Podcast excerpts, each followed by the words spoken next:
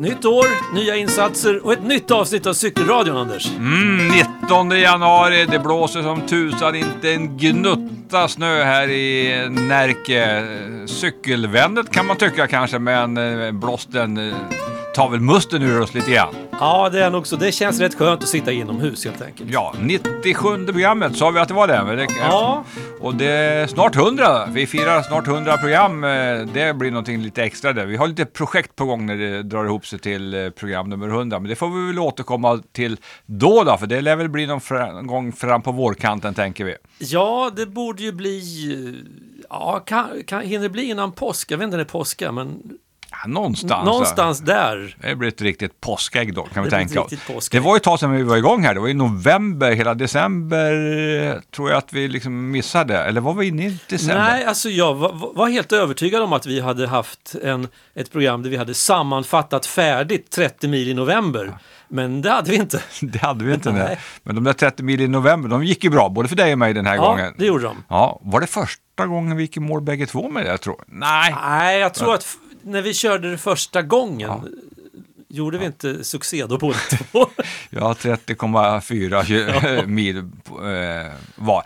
Hur mycket mil har det blivit efter 30 mil i november? Ja, Handen på hjärtat, Thomas. Handen på hjärtat, nada. Inte en mil. Inte en mil. Och vilket jag sörjer för att jag kände där i, i december när jag kom tillbaka efter den där, den här jobbveckan jag var tvungen att göra i slutet på november. Så kom jag tillbaka hem igen. Och då kände jag att ja, men nu hade jag sån här momentum. Liksom, att nu ska jag sätta igång och cykla. Men du vet hur det var. Då, då var det väl något blåsväder eller någon snöflinga eller någonting som gjorde att äh, jag höjde värmen här inne istället. Mm. Och så blev jag sjukt cykelsugen för, kan det vara en, alltså direkt efter helgerna. Jag, jag tror att jag läste någon cykeltidning eller någonting sånt och då kände ett sånt där, nej nu ska jag ut och cykla. Men då var det ju, du vet, frusna i grusvägar, gris, grusvägar med is på, det är grisvägar. Det går inte in som en dubbar att cykla på. Så då kom det av så tänkte jag, ja men trainern har jag ju. Ja. Ja, vad hände då? Tror du? Jag, hade, Ja. jag punkade ju, det berättade jag i förra avsnittet. Jag fick ju punka när jag var ute och körde med eh, på den här 30 mil i november, en sån här tur. Punka på framdäcket. Sen, jag hängde ju bara upp cykeln liksom i taket i garaget. Tänkte, den kommer ner till våren. Ja, ja, nöjd med dina 30 Ja. mil i november, där kan den hänga, tänkte du då. Precis, så kommer jag, ja, men jag har ju punka på framdäcket, då måste jag ju fixa det då. Även om man sitter på trainer så vill man ju Ja. ha luft i framdäcket. Och så bakdäck, jag har ju ett speciellt sånt här trainer-bakdäck. Det slängde jag ju om det var i våras när jag tog av för att det hade liksom torkat och krympt, det gick ju knappt att få av och på. Okej. Så att, ja, det gick ju inte det. Men nu har jag, nu har jag ett nytt trainer-bakdäck, ligger... Du har själv sett... du, har Ja, sett jag har sett lådan. du har sett Jag kartongen? inte- Nej, exakt. Ja, om det är en låda med ett nytt däck det vet jag inte. Nej, men så att när det här avsnittet är klart, Mm. när, när, vi har, när det ligger ute på webben, du har åkt hem, livet återgår till det normala, då går jag ut i garaget, krokar ner cykeln, fixar punkan, kränger på det nya däcket och sen är det lite trainersäsong, Mm. känner jag. Kan det rent av bli eh, några minuter på trainern idag? Det kan det nog bli. Men Faktiskt. inga garantier. Inga garantier, Nej. men det, det, det ligger i farans riktning. Det ligger i farans riktning. Själv då? Jag har jag cyklat någonting då? Inte speciellt mycket Thomas heller faktiskt. Ja, lite vardagscykling blir det för mig. Jag bor ju inne i stan så det är klart att det blir lite kilometer här och där. Men de är inte speciellt många de där milen som har blivit cyklade utomhus. Kanske mindre än någon gång tidigare för jag har jobbat mindre så att jag har inte fått de här vardagscykelmilen direkt då. Däremot har jag cyklat lite grann inomhus. Eh, jag har också gjort ordning min trainer, min Swift-maskin, men jag, liksom, jag har inte hoppat på abonnemanget än. Jag har inte ens hoppat på cykeln, den står fint där i garaget, utan jag har gått på lite Friskis och Svettis och kört lite så här spinningpass. Nu när man inte har något jobb att gå till så är det ganska trevligt att se lite andra människor på dagarna. Så det har gjort att jag hellre har gått på, på lite spinningpass då. Så att Så du föredrar andra människor framför en garagevägg? Ja, i någon mening. Jag har ändå sett den där garagevägen hela dagen i övrigt så kan det vara skönt att komma iväg någon timme.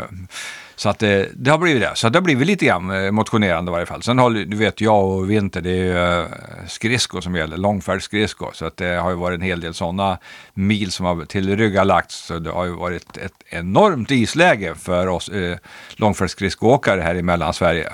Har åkt skridskor sedan i slutet på november och inte behövt gjort något uppehåll på grund av att isen har försvunnit, vilket det brukar kunna vara om det är tidig is. Så det har varit bra, men eh, nu längtar jag lite grann efter den här torra, härliga asfalten, så det dammar lite grann så man kan åka ut på sin kolfiberhoj och köra sina klassiska runder som man är så van med. Absolut, jo men det är ju verkligen en sån där... eh, Alltså jag, jag tittar ibland på gamla bilder och sånt där. Som, jag- och när jag har lagt ut grejer för cykelradion, jag har gjort små korta filmsnuttar. Och så ser man, ja men det där var ju så här 20 någonting mars var jag ute och Ja. körde på fincykeln. Liksom. Ja, ja det ser vi Så fram emot. det är inte långt kvar. Det är bara att härda ut den här suraste eller bistraste tiden. Då. Om man inte åker långfärdsskridskor så är det ju bistert nu då med januari och februari kyla och så och ingen snö. Nej, men förhoppningsvis då liksom kan mars återgå till det mars var när vi var barn, Thomas. En liten vårmånad. Det känns som om det har varit en vintermånad det sista decenniet i mångt och mycket. Men i år hoppas vi på att mars eh, är en vårmånad. Vi håller tummarna för det. Ska vi säga någonting om vad det här programmet ska innehålla? Ja, gärna. Eh, då har vi till exempel med oss som alltid Christer Isaksson. Ja, han är kung. Han är kung och nu så ger han, ja men nu kommer det handla en del om, det ligger ett ganska skarpt förslag om att det ska bli obligatorisk cykelhjälm för alla som cyklar i Sverige. Ja, det är inte bra tycker jag. Nej, och Christer han utvecklar det där varför det där inte är bra. För det kan man ju tycka, men det är väl bra med hjälm? Ja, det är bra med hjälm, men det är inte bra att det blir ett obligatorium och att det sker i, i namnet av ökad säkerhet på vägarna. För det är helt olika saker nämligen. Det kommer Christer att reda ut på ett bra sätt. Tack för det. Sen finns det också för alla som längtar efter ett äventyr på cykeln. Ett, eh, vad ska man säga, ett flexibelt äventyr. Och ett överkomligt äventyr. Ja, precis. Det är Magnus Lager som under sitt eh, jobbnamn Velonavia, han är ju kungen av de nära äventyren. Verkligen också. Alltså, och nu har han skapat ett lite större nära äventyr. Det är inte 100% klart, men det kommer att bli det under våren och där ska han berätta mer om. Eh, en fantastisk runda i Kolmården, eller ett utvidgat Kolmården. Så. Så det blir det också en del om. Och så blir det tävling såklart. Såklart.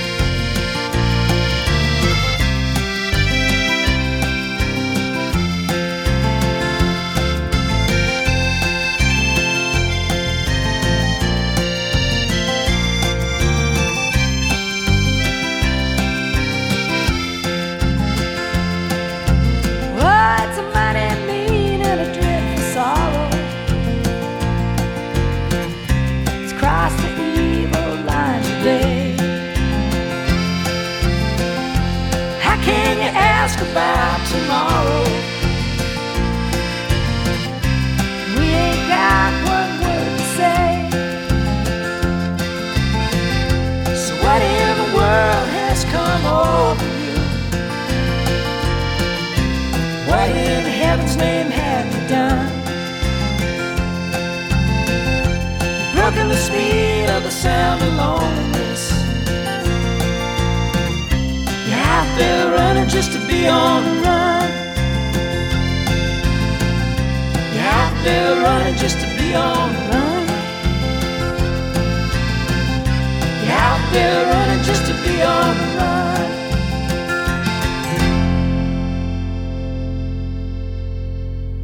Det där var ju Kim Carnes med Speed of the Sound of Loneliness. Mm, då kan man fundera vad det är för tema idag, det får vi väl se så småningom. För du brukar alltid ha teman i musik, eller är det random idag Ja, eventuellt? ja, alltså det är både random och ett tema. Det är random utav en orsak. Okej, Så kan man säga. så kan man säga. Ja, så det är tänkt Det är i alla tänkt i varje fall att det ska vara. Jo, det här med cykel, det är det här med professionella cykelvärlden också. Och det är det här med Eurosport där jag jobbar en hel del och kommer att göra ytterligare ett år. eh, Så det är, vad brukar de säga, att man skriver på ett år i taget ungefär. I mitt fall så har det blivit ett antal år, jag vet inte hur många, det är i alla fall plus 25 år där Roberto Vacchi och jag kommer att kommentera en hel del av den här cykelåkningen som finns på Eurosport. Men det kommer äntligen be- ännu mera cykel faktiskt på Eurosport. Är det möjligt? Ja, det är möjligt, för nu är, är, äntligen, när jag säger äntligen, det är just det här att vi kommer att visa väldigt mycket av damernas cykeltävlingar också det här, den här säsongen. Det har vi inte gjort så mycket genom åren. Det har varit en hel del klagomål på det, inte minst i Sverige, där man funderar varför visar ni inte damerna också? Men nu kan man ju se en trend, en stor trend med det här med att eh, de här stora cykellagen på herrsidan också har damlag som börjar få riktigt rimliga förhållanden att eh, utöva sin idrott på. Och det kommer mer och mer produktion också på damtävlingarna. Dock inte i samma utsträckning som man tänker sig på andra idrotter där herrar och damer alltid tävlar tillsammans. Där damerna har sitt program, herrarna har sitt eh, program, men, eh, och de går inte exakt på samma dagar som det kan göra med skidskytte och längdskidåkning och andra såna här konditionsidrotter som jag gärna följer under vintern. Utan de har sina egna tävlingar. Bland annat blir det ju damernas Tour de France. Det blir inte eh, tre veckors lopp, men det blir i alla fall en åtta dag tror jag man, man ska köra. Och det startar direkt efter Tour de France. Jag kommer debutera på Eurosport tillsammans med Roberto Wacker när säsongen drar igång på riktigt som eh, vi brukar säga. Det vill, det vill säga med Het Newsblad. Eh, den eh, första tävlingen i Belgien för säsongen och sen är det Kurne i Bryssel, Kurne dagen efter. Och sen rullar det igång med de här klassikerna under hela våren fram tills dess att vi kör Liège, Baton Liège eh, runt den 24-25 april och sen tar liksom tre veckors säsongen över. Så att ungefär som tidigare kommer jag att eh, vara med Roberto Vacchi. Men som sagt var, ännu mera cykel på Eurosport. Eh, Home of Cycling som de kallar sig själva. Mm, ja, men det är bra. Det känns gött tycker jag. Men du, apropå de här vårklassikerna förra året på grund av du vet vad.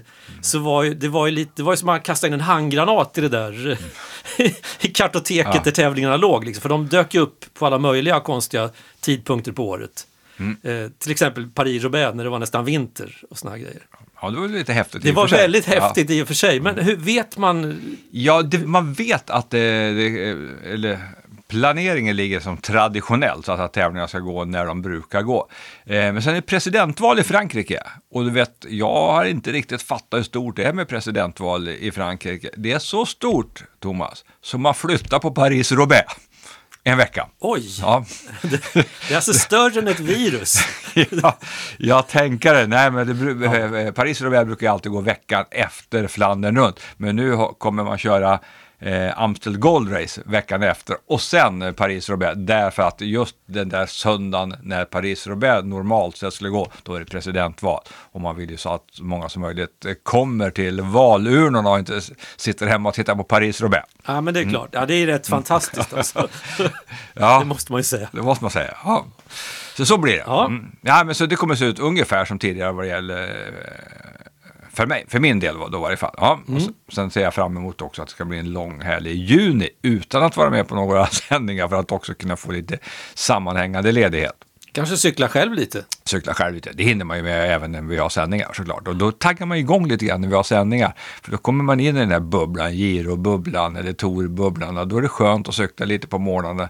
För det blir ju lite stillasittande när man ska sitta och kommentera i varje fall. Så att, eh, ja, vi ser fram emot mycket cykel för egen del. Vi ser fram emot mycket cykel i soffan eller hängmattan eller vad man nu väljer att titta på de här fantastiska produktionerna. Och som sagt var i år ännu mera med, ta- med tanke på att vi kommer att visa mycket mer av damtävlingarna. Plus en del lite mindre tävlingar som vi säger som i sig är ganska så stora och svåra att vinna. Så det finns hur mycket som helst med cykel. Mm. Och nu för tiden funkar ju också alla de här streamingtjänsterna mycket, mycket bättre än vad de gjorde bara för några år sedan. Så nu kan man verkligen vara var som helst med sitt device och följa det där. Ja, det är ju Live. jättehäftigt. Ja. Och det är perfekt, inte minst cykelsändningar som är så pass långa också, att det är kanske svårt att sitta 5-6 timmar i, i soffan, utan man kan ju vara ute och åka båt och kolla på uh, Eurosport och man kan ju till och med ut och cykla. Man kan göra massvis med saker. Och sen är det ju så också att det fattar vi också, att um, cykel är inte som en hockeymatch, man vill vara med hela tiden. Man kan gå ifrån lite grann och sen kommer man tillbaka och sen uh, går man ifrån och sen sätter man på grillen och sen helt plötsligt är det en rafflande spurt i en fransk by man aldrig hört talas om. Nej, precis. Ja, vi ser fram emot det och jag tror att du sa i förra avsnittet av Cykelradion där i november att säsongen börjar väl nu, vilken dag som är det? Det är den 19 idag när vi gör det här. Men Eh, 23 tror jag. Ja. 23 januari, första tävlingen på europeisk mark, internationell tävling. Så nu drar det igång alltså. De är ju på träningsläger, de visar upp alla sina nya kläder, de visar upp alla sina fantastiska faciliteter. Cykelsporten växer så det knakar vad det gäller ekonomin i varje fall. De är fantastiskt duktiga på att få in pengar till cykelsporten och eh, ja, jag ser fram emot verkligen säsongen 2022 precis lika mycket som jag såg fram emot säsongen 1972. och på, på, på tal om kläder och faciliteter, det, där finns ju vi med också i det där Ja, vi- racet. Men det kan vi ta lite tar senare. vi lite senare.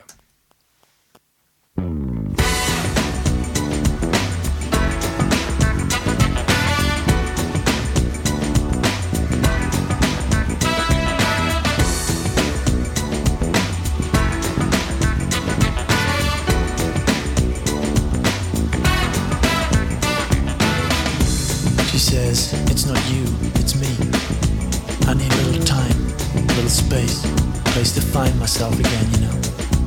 Oh, yeah, I know goodbye when I hear it. She smiles, but her heart's already out there. Walking down the street,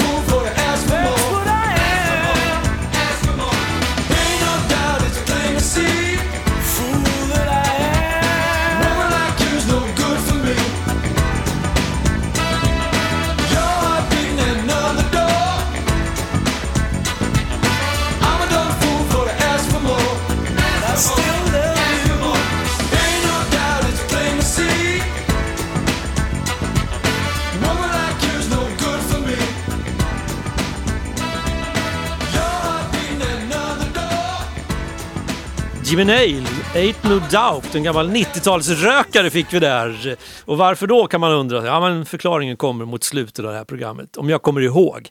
Eh, nu ska det handla om ett nära äventyr, eller rättare sagt kungen av de nära cykeläventyren.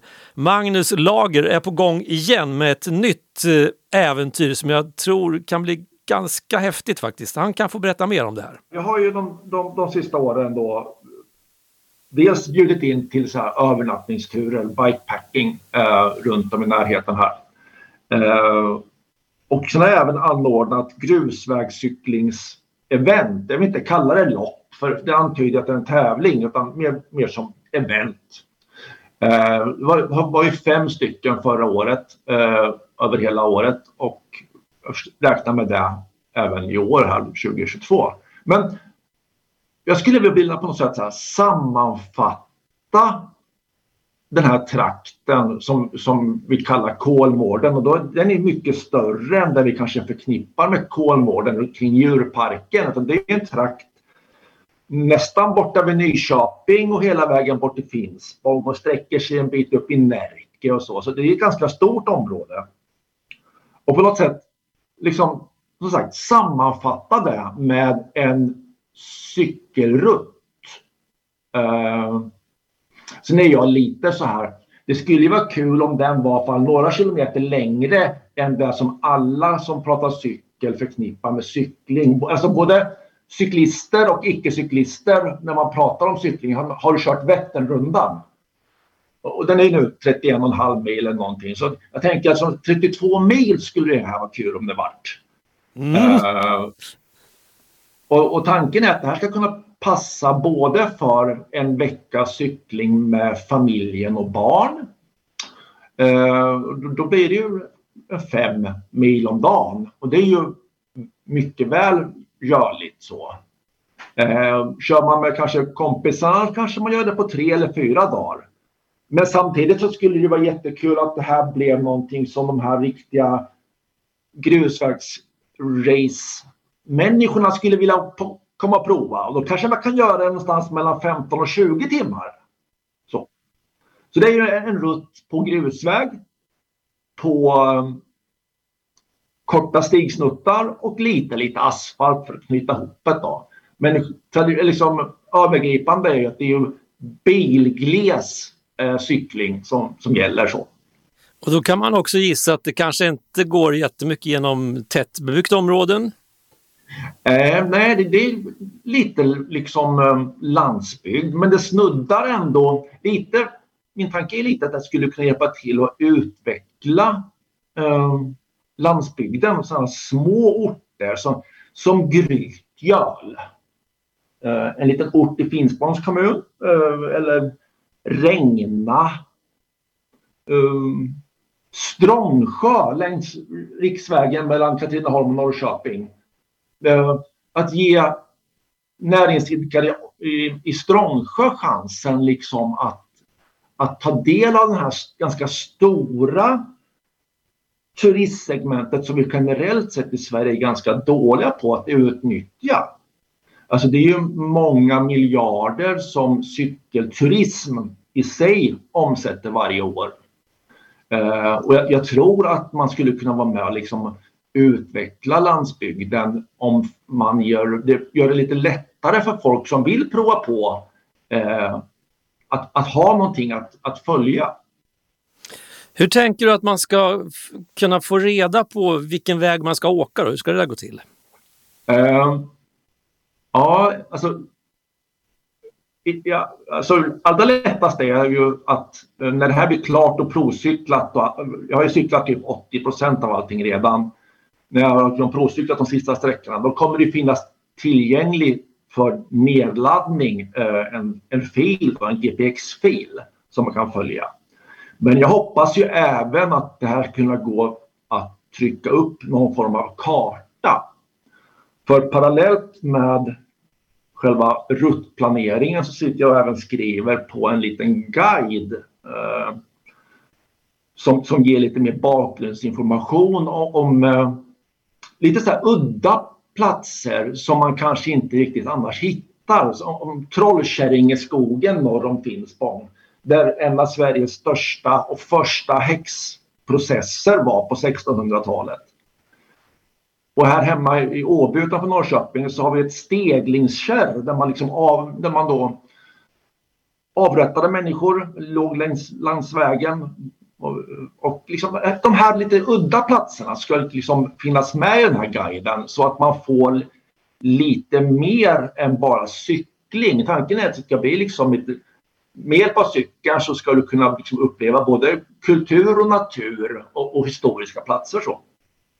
Hur långt fram i tiden ligger det här nu då? Jag kanske är lite väl eh, optimistisk men jag har sagt ett datum helgen efter eh, midsommar. Det är väl typ 2 juli. Så tänker jag att det här ska gå live och förhoppningsvis då blir det ett litet event där några ger sig på att cykla det här nonstop. Eh, och några, i alla fall jag, kommer göra det. Eh, och sen så ska det här finnas tillgängligt. Ja, Den, den svåraste frågan nästan, alltså när man gör såna här saker, så bland det knepigaste, du Hitta på någonting att kalla, alltså Vätternrundan, det gav sig självt och såna här Hjälmaren runt och Roxen runt och allt vad det kan heta. Men vad ska den här rundan heta då? Ja, eh, alltså, vi är vana vid att nämna cykelevent eh, vid, vid en sjö sådär. Och så cyklar vi runt sjön. Det, det, är, ju, det är ju den traditionella svenska metoden. Eh, och jag, jag leker lite med ett gammalt namn för Kolmården som är Kolmart. Eh, och det betyder kolskog. Eh, och det är vad Kolmården betyder. Så, så i arbetsnamnet är Kolmart, ett cykeläventyr i Kolmården. Ett internationellt klingande namn dessutom. Jo, jag, jag tänker ju liksom att det här skulle kunna locka människor den dag vi har lättare med reserestriktioner och så eh, utifrån också. Eh, att komma och cykla här och ta del av den fantastiska naturen. och allt som är förknippat med allemansrätten som inte gör det möjligt för andra, i andra länder att göra det vi kan.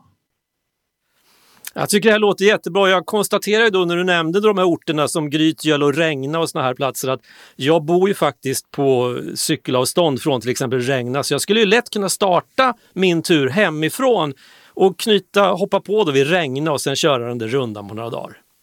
Ja, jo, men precis. Och tanken är inte att det ska finnas en startplats utan att eh, start och målplats utan man, man, man kan köra den där det är lämpligt att man själv börjar som har som närmast till så. Vi får väl anledning tror jag att återkomma till dig och det här projektet Kolnarf. Kolmar. Kolmar. Är det gammalsvenska eller vad är det för språk? Ja, men det, är- det är gammalsvenska. Jag hittade för, länge sedan när jag läste eh, Nordisk familjebok om beskrivning om Kolmården. Visst är det en häftig tur det där? Mm, man blir lite sugen, det är inte så lite heller faktiskt. Och vilken entusiast han är, va? Magnus Lager, som eh, bjuder på de här tipsen då. Och det är klart, att sådana här tips eh, är ju värdefulla, för jag, ibland är det att man får lite stiltje, vad fasen ska jag göra? Men häng på cykeln och åk ner mot Kolmården. Eh, har ni långt dit så kan ni ju passa på att göra en massa andra saker också, men det, då är det bra att veta att sådana här saker finns. Och det växer sådana här communities i alla möjliga sammanhang. Det här med gravel har ju blivit liksom en riktigt stor fluga och ja, fluga, då ska det ju gå över. Jag tror inte att det kommer att gå över. Jag tror att det här är lite grann framtiden för oss som cyklar. Vi vet ju också det här med landsväg, eh, att vara ute på landsvägen, att det är förenat med en hel del faror och det eh, gör ju att många hellre då väljer att cykla på eh, grusvägar. Så som det en gång i tiden var. Ja, det, bör, det börjar ju så. Det började ju så ja, så att nej. Och, vi satt och eh, här och småpratade medan Magnus pratade om sitt lite grann. Vi är bra sugna egentligen på lite gravel, både du och jag. Egentligen så här, eh, för att få lite omväxling i sitt cykelåkande. Och det här med att man faktiskt kan slänga på cykeln på bilen och åka någon annanstans. För det är annars det som jag tycker är lite jobbigt med grusvägar. Det, visst finns det hemifrån mig också, men det blir samma varenda, varenda gång. Men eh, på med cykeln på bilen eller in med den i skuffen och sen åk några mil så öppnar sig helt plötsligt helt eh, ny värld med massa vägar som man kanske aldrig har cyklat på tidigare.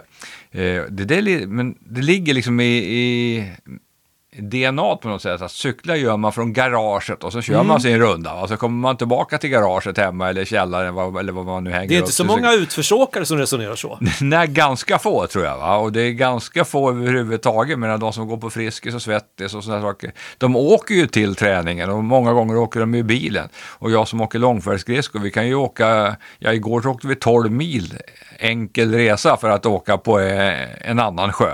Men det skulle man ju aldrig komma på tanken att jag ska åka 12 mil bort och åka cykel. Men man kanske måste bli lite bättre på det för att få uppleva lite mer.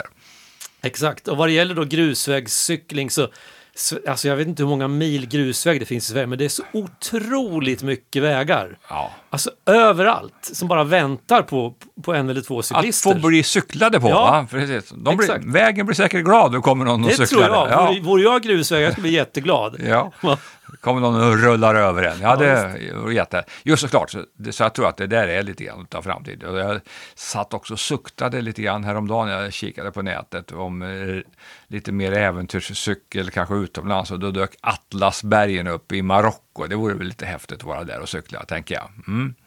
Hebriderna, Hebriderna heter det va? Ja, just det. Där ute kan man se, se, det ser härligt ut fast alla bilder regnar det på i och för sig. Där. Ja, precis. Och så ser man inte hur mycket det blåser heller. Men alltså lite häftigt vore det ju ändå. Absolut.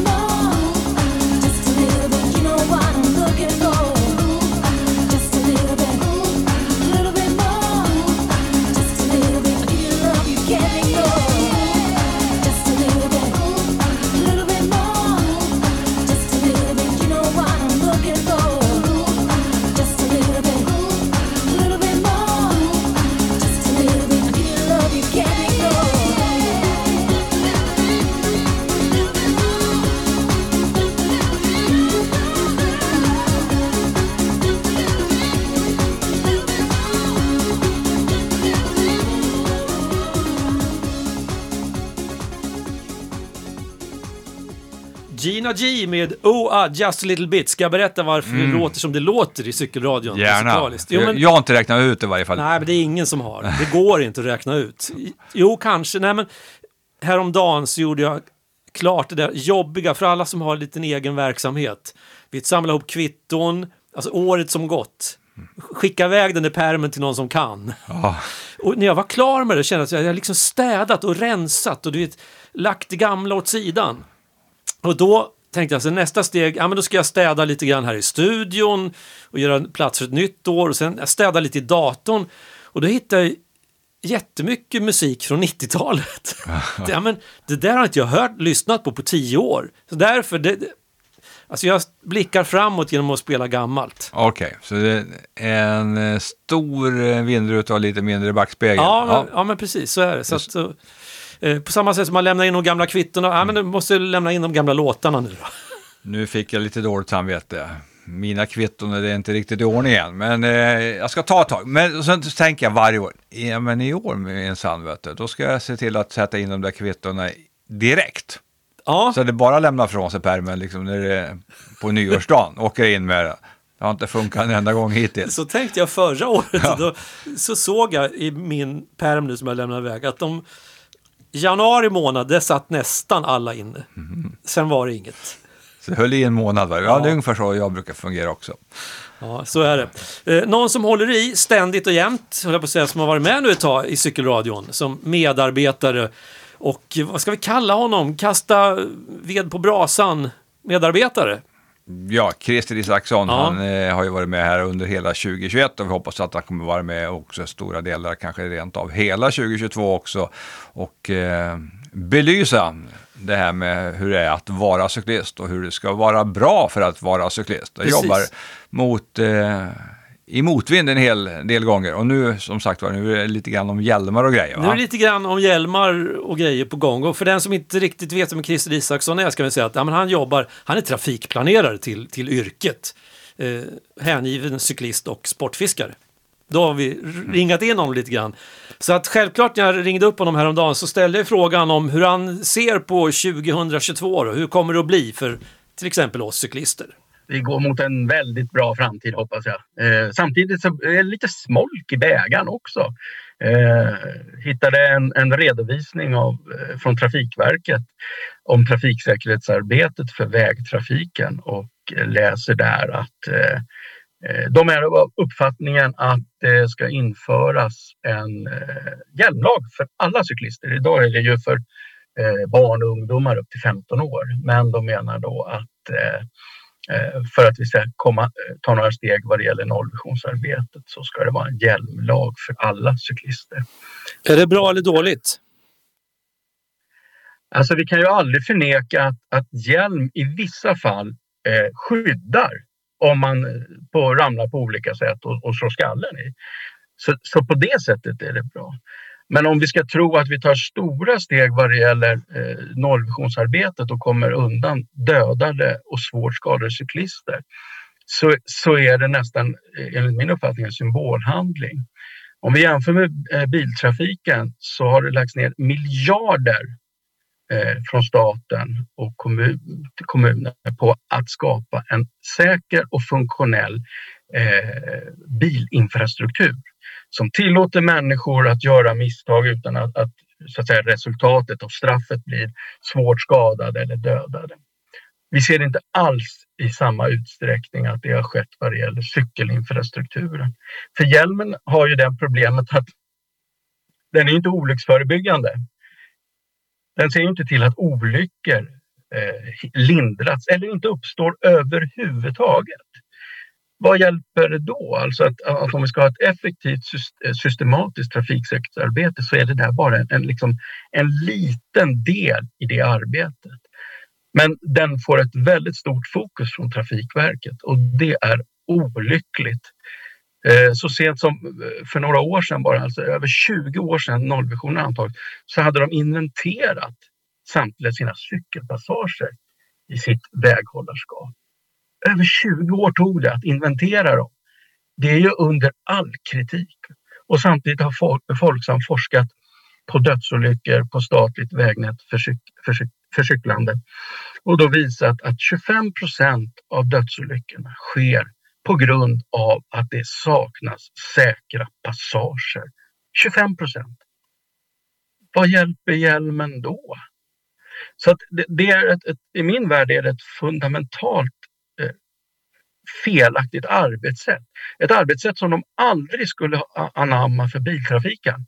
De säger ju inte bara sätt på dig bilhjälm och sätt på dig säkerhetsbältet så blir det bra. Tvärtom. Det, det, det är liksom un, un, underförstått att du ska göra det. Men vi ska tillhandahålla en säker och funktionell bilinfrastruktur så att du kan eh, färdas tryggt och säkert. Varför har man det här fokuset då på, på att cyklister ska ha hjälm om det nu inte är det som är det stora för att förebygga eh, olyckor och, och, och sånt? Ja, eh, är man kan ju bli konspiratorisk och spekulativ och så vidare. Eh, dels är det nog en, en kompetensfråga. Vet de vad de ska göra för någonting? Eh, det är jag inte helt övertygad om. Eh, det här är ju ett bekvämt sätt att lägga över allt ansvar på, på brukaren, på den som cyklar. Det kostar inga pengar, stjäl inga eh, investeringsmedel från andra åtgärder och så vidare. Eh, den frågan är ju naturligtvis bäst att ställa till Trafikverket. Jag tror de skulle säga att de gör jättemycket. Facit visar inte det. Claes Tingvall som tidigare var trafiksäkerhetsdirektör på, på, på Trafikverket. Eh, inför att han slutade så, så gjorde han så att säga en, en slags avbön och talade om att de har gjort alldeles för lite vad det gäller cykeltrafiken.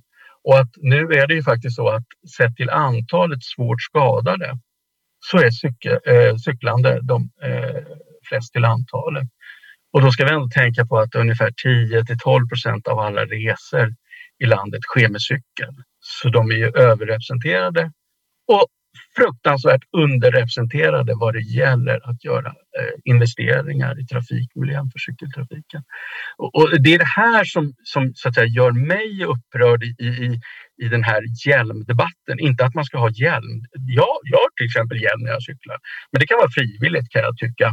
För att det är helt uppenbart att det fullständigt tar fokus från att skapa säker, funktionell och trygg trafikmiljö för cyklande. Det har vi 20 år av facit nu. Eh, Vi behöver inte vänta längre. Men det vi ser då fortsatt från Trafikverket är hjälmen. Och nu till och med driva att det ska vara lag på hjälm för alla cyklande. Det finns ju länder, jag tänker Australien, där är det ju lag på hjälm när man cyklar. Vad, man, vad vet man om hur det har utfallit då? Har man gjort några studier? Ja, det är lite motstridiga uppgifter. Att dels så, så det initialt som nästan alla de här får, eh, det är ett minskat cyklande. Eh, och, men man ser inte ett tydligt samband på färre olyckor, färre huvudskador. Eh, så att, att kunna säga att det här är en effektiv åtgärd. Nej, det kan man inte göra. Självklart är det en effektiv åtgärd om du dunkar huvudet i golvet med eller utan hjälm. Så, så, så liksom kan, men, men det är inte det som problematiken handlar om egentligen. Va? Eh, så så att det, därför blir det lite av en symbolåtgärd. Va? Och vi kan också för, liksom, utöka perspektivet och, och säga att minskat cyklande, men vad innebär det för folkhälsan? Ja, vi kanske får några färre huvudskador. Men om vi får färre att cykla, vad innebär det då generellt i det stora hela för folkhälsan? Det kanske är en negativ spiral. Vi får ett, en ett, ett liten minskning av huvudskadorna. Men vi får andra folkhälsosjukdomar på grund av att folk rör sig mindre. Så att, att liksom stå så och slå sig för bröstet att det här ska vi göra, det här är jättebra, det är jätteeffektivt. Eh, det har jag väldigt svårt att identifiera. Särskilt när det är många andra, till exempel som folk som då pekar ut. Och det vi vet, titta på nollvisionen för biltrafiken. Miljarder har gjorts. Enorm framgång till ett högt pris. Men i varje fall framgång vad det gäller eh, att reducera antalet döda och svårt skadade i biltrafiken. Så vi har ju facit vad vi kan göra för någonting. Det är bara att sätta igång med ett systematiskt arbete och skapa en bättre cykelinfrastruktur, en säkrare cykelinfrastruktur. Så man sammanfattar det lite. På individnivå så är det bra att ha cykelhjälm när man är ute och kör om man vill det. Men för det stora kollektivet cykeltrafikanterna så är det bättre infrastruktur som behövs helt enkelt.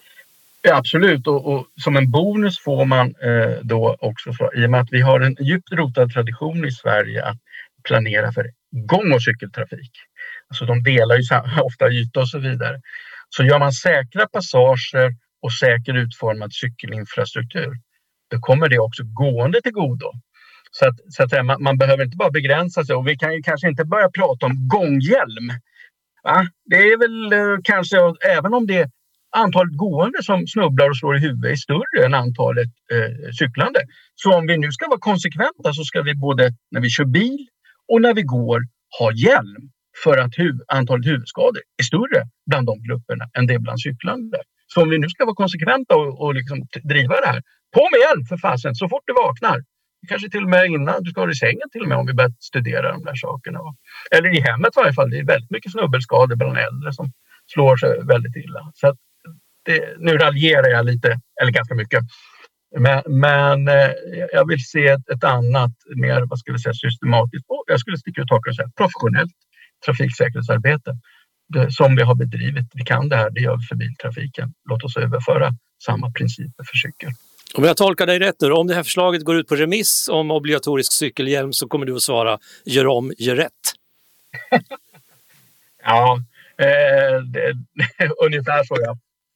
Mm, han var som sagt inte helt nöjd med att det ska bli ett obligatorium eventuellt för cyklister och det är väl egentligen ingen som är.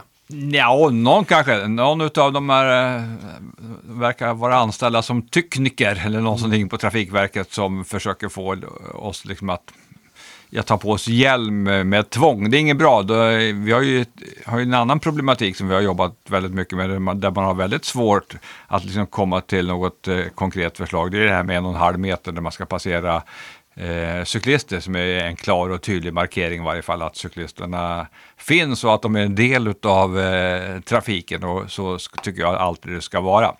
Eh, sen kan jag, det jag tycker det skulle vara hjälmtvång på, det man måste ha fyra hjälmar på sig, när man, det är när man åker sån här eh, elskoter, eller Ja, eh, vad kallar de dem för? Eh, Ja, spark, elsparkcykel. Där ska man ha fyra hjälmar. Om de gör det, för då försvinner de. Bort. De tillför ingenting, i min värld i varje fall. nej, och när det gäller trafiksäkerhetsarbetet i stort så tillför inte hjälmen särskilt mycket heller. Det är bättre, bättre cykelvägar helt enkelt Ja, och, och- bättre Och cykelinfrastruktur. det går ju att få att människor att använda hjälm och förstå att hjälm är bra och har alla möjliga sammanhang. Jag lärde mig åka utförsåkning på 80-talet, så här, då var det ingen som hade en hjälm. Och sen kom det någon enstaka med hjälm som man tyckte ja, det var en tönt en som hade hjälm på. Så ungefär så. Idag ser du ingen i en eh, alpin backe som kör utan hjälm. Va? Du ser ingen i, ja, någon är, jag ser en emellanåt som kör utan hjälm ute på sina träningsrunder. Annars bär vi ju hjälm. Det är ju inget tvång att göra det där heller. Men då har man ju fått eh, jobba liksom med förståelse för de här sakerna på ett mycket bättre sätt. Och vi ser ju också i, i stadstrafiken att fler och fler också bär hjälm. Så att jag tror mycket mer på det, upplysning och eh, att det blir lite trendsättande att man har det. Så kommer man använda hjälm när man hoppar på sin cykel. Absolut, och sen det här lite grann som vi också pratat om ganska mycket med, eh, med beslutsfattare och andra, hur viktigt det är att vi som är cyklister, att vi engagerar oss och vi påtalar precis som, som Christer säger, när det kommer ett korkat förslag, att vi då säger, "Ja, men hallå, det här är inte bra därför att, och så använder vi vår sakkunskap för att förklara varför vi inte tycker att det här är en bra idé. Och jag har ett, precis printat ut här innan du kom, i Storbritannien så i dagarna nu så klubbar man igenom ett, ett, eh, nya trafikregler som har med bland annat cyklister att göra. Eh, och det här förslaget ut på remiss sent som i augusti så var bland annat så att man får cykla i bredd men om det kommer en bil bakom och hinner upp eh, så måste cyklisterna gå in, in på ett led. Och då blir ju folk galna. Nej men så kan man inte ha en bestämmelse för att det kommer att bli bråk. Bilisterna kommer att bli oxtokiga om inte den där om inte cyklisterna bildar ett led tillräckligt snabbt. Och det kommer att bli ett himla liv. Eh, Så att då tuggar man om det där lagförslaget. Och nu är det i lagen att du får cykla såklart i bredd. Eh, när det kommer upphinnande bilar, om cyklisterna anser att det är säkert och att de har möjlighet att gå in på ett led så kan de göra det. Eller om de tycker att det är ännu bättre så kan de till och med stanna. Men de måste inte. Du har full rätt att cykla i bredd. Och så har man också skapat en hierarki för fordonslag i, i Storbritannien. Så att eh, ju större fordon desto mer ansvar. Så att kör du lastbil då har du ansvar för att mindre fordon ner till cyklister och gångtrafikanter, det är ditt ansvar att de inte råkar illa ut. Eh, kör du personbil så är ditt ansvar att tvåhjuliga motorfordon, cyklister och gångtrafikanter inte råkar illa ut. Cyklar du så är det på ditt ansvar när du kommer ifatt en gångtrafikant att inte köra på den där som vinglar omkring Eller skrämma. eller skrämma. Eh, Så att det har man gjort en väldigt tydlig hierarki i det där. Det var tilltalande. Jag Spontant. det. ja. Spontant. Plus att man dessutom, apropå det för att runda av, har klappat igenom nu en och en halv meter vid omkörning. Upp till 70 kilometer i timmen. Fortare än 70 ska du ha större avstånd. Om till och med de kan, som inte ens är med i EU, då borde vi med kunna.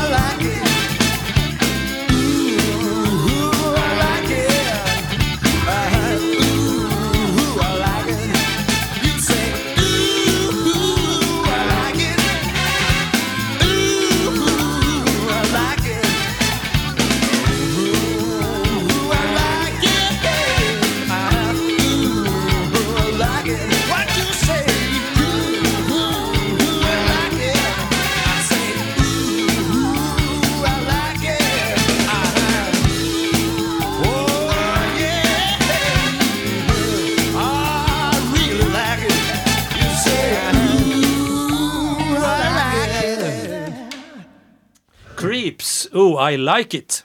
Mm, eh, du, vi har varit igång en snart, ja, vad är det, en 50 minuter ungefär Ja, va? det, ja, det ligger vi på nu. Vi så. brukar ligga på ungefär 50 minuter till en timme på våra program här som har hållit igång sedan 2006 och eh, vi kan säga det också att för tolfte säsongen i rad så har vi ett samarbete med Kalas cykelkläder, fantastiska cykelkläder.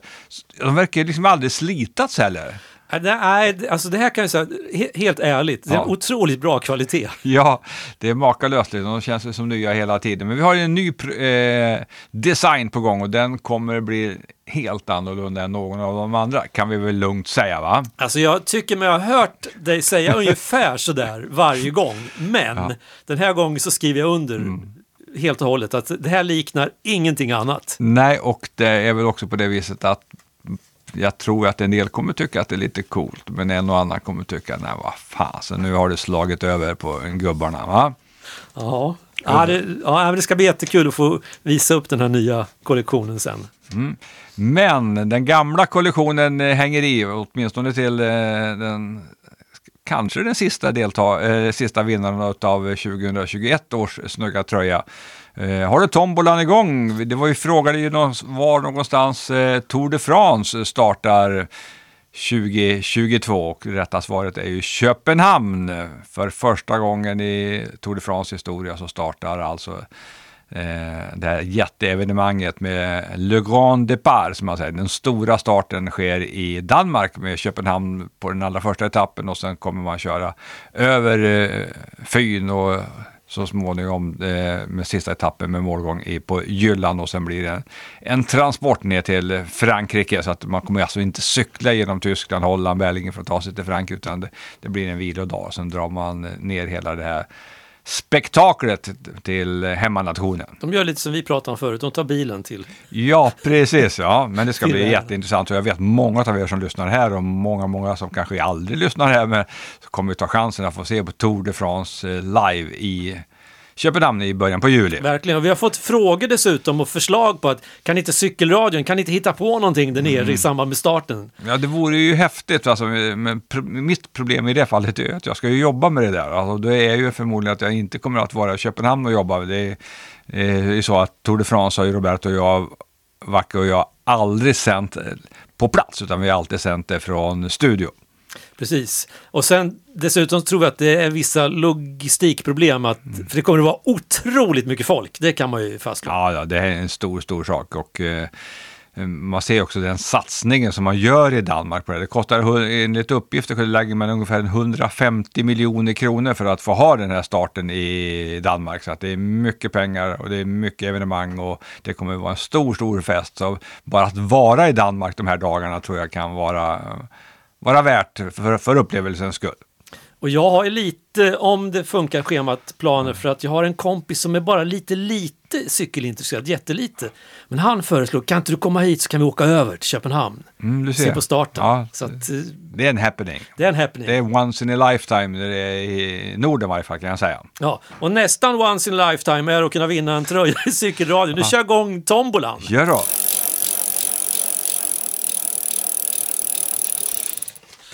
Och då gräver vi här och får fram ett mejl från, eh, från Daniel Lindmark. Som har rätt svar. Eh, han, eh, Anders brukar cykla förbi vårt hus när han tar en fyramilsrunda norrut från Borlänge tillsammans med Vacki.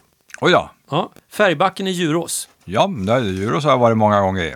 Djurås, eller hur uttalar man det? Ja, de gör nog så. Djurås. Djurås. Det är fint där på sommaren. Kanske det på vintern också. Du har aldrig varit Djurås på vintern. Så, då eh, drar vi iväg en tröja till dig Anders och gratulerar till att du eh, kommer vara snyggast i Dalarna i varje fall. Det går inte av för hackor. Nej, det är inte det sämsta. Nej. Fint cykeldistrikt. Jo, vi har, vi måste ju ha en ny fråga också. Vi måste avsluta med det. Och, Ja. eh, då så att, eh, pratat en hel del om Tour de France och så vidare. Eh, och om andra cykeltävlingar också. Och eh, vi pratar, pratar om hjälmar och vi pratar om utrustning och så vidare. Den sista tävlingen var av stor karaktär som vanns av en cyklist eh, med tåklips. Den cyklisten, det var 1992 ska vi säga då, så, det blir, så håll det i minnet lite grann så ska ni försöka leta reda på. En av de allra bästa cyklisterna genom alla tider utan att ha vunnit vare sig Giro d'Italia eller Tour de France. Däremot så blev det en seger på Vuelta i Spanien. Men det som han kanske mest blev känd för var ju att han var en fantastisk endagscyklist. Lyckades inte heller vinna världsmästerskapen och ändå pratar jag om en av världens bästa cyklister genom tiderna. Han lyckades med en bedrift i varje fall med att vinna en och samma tävling sju år i rad. Och det är ju en tävling som jag, jag och tillsammans med Roberto Vacchi har kommenterat många gånger. En av de allra, allra största tävlingarna nedanför de här Le Grand Tour, nämligen Paris-Nice. Vem var det som var så här fantastiskt duktig och som vann med tågklipp tågklips 1992 och som har vunnit eh, Paris-Nice sju gånger på raken och dessutom vunnit Vuelta i Spanien? Vet man det? Eller har googlat fram det, då skickar man ett mejl till redaktionen snabela cykelradion.se. Så är man med och förhoppningsvis då kan vinna en tröja bara produktionen kommer igång med de här snygga kalaskläderna 2022 års kollektion. Och då ställer sig många vänner av ordning frågan, ja men när ska man ha, när är det sista dagen att skicka in då, om man vill vinna? Ja, det är ända fram tills att nästa sändning går igång. Så hade ni varit uppe i natt, så att säga, hade ni kunnat skickat in och varit med i dragningen här också. Nu var det nog ingen som var uppe i natt. Jo, det kanske de var, men skickade inte in något svar. Eh, men vi får ju för svar liksom lite hipp som happ. Ganska många i början ska vi säga. Men sen så småningom så eh, kan det dyka upp ett och annat svar i varje fall. Oftast rätt dessutom. Ja, och vi efterlyste ju förra gången, ja, men ni får gärna göra som många redan gör, skriv lite berättelser och stories till oss och berätta om hur ni har det med, med cyklingen. Vi avrundar med några rader här från, från då Hans Nyqvist i Borlänge som tyvärr inte vann den här gången, men han har skickat ett, ett, han, en liten text med sitt brev då, med sitt svar från förra gången. Som alltid lika trevligt när ni kommer med ett nytt program och precis den inspiration jag behöver i avsaknaden av min granne och cykelvän Hervé som hade den ofattbart dåliga smaken att flytta ifrån grannskapet för några år sedan. Inte alls lika kul på vägarna utan honom, men jag har kvar ett fantastiskt minne från när jag följde honom till hans barndomshem och cykeltokiga pappa i Kolmar i Alsace.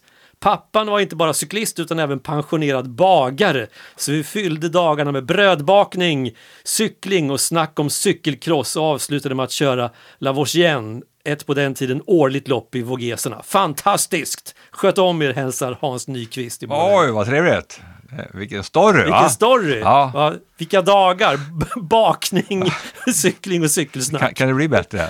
Inte I. Alsace. Ja. Ja, det låter helt fantastiskt. Mm, härligt. Fler Då- sånt tack. Mer sånt. Vi ser fram emot det och stänger butiken och önskar en ett fortsatt go- vad säger man, god fortsättning på det nya året. Mm, hur länge kan man säga det då? Ja, fram till första februari. Okej.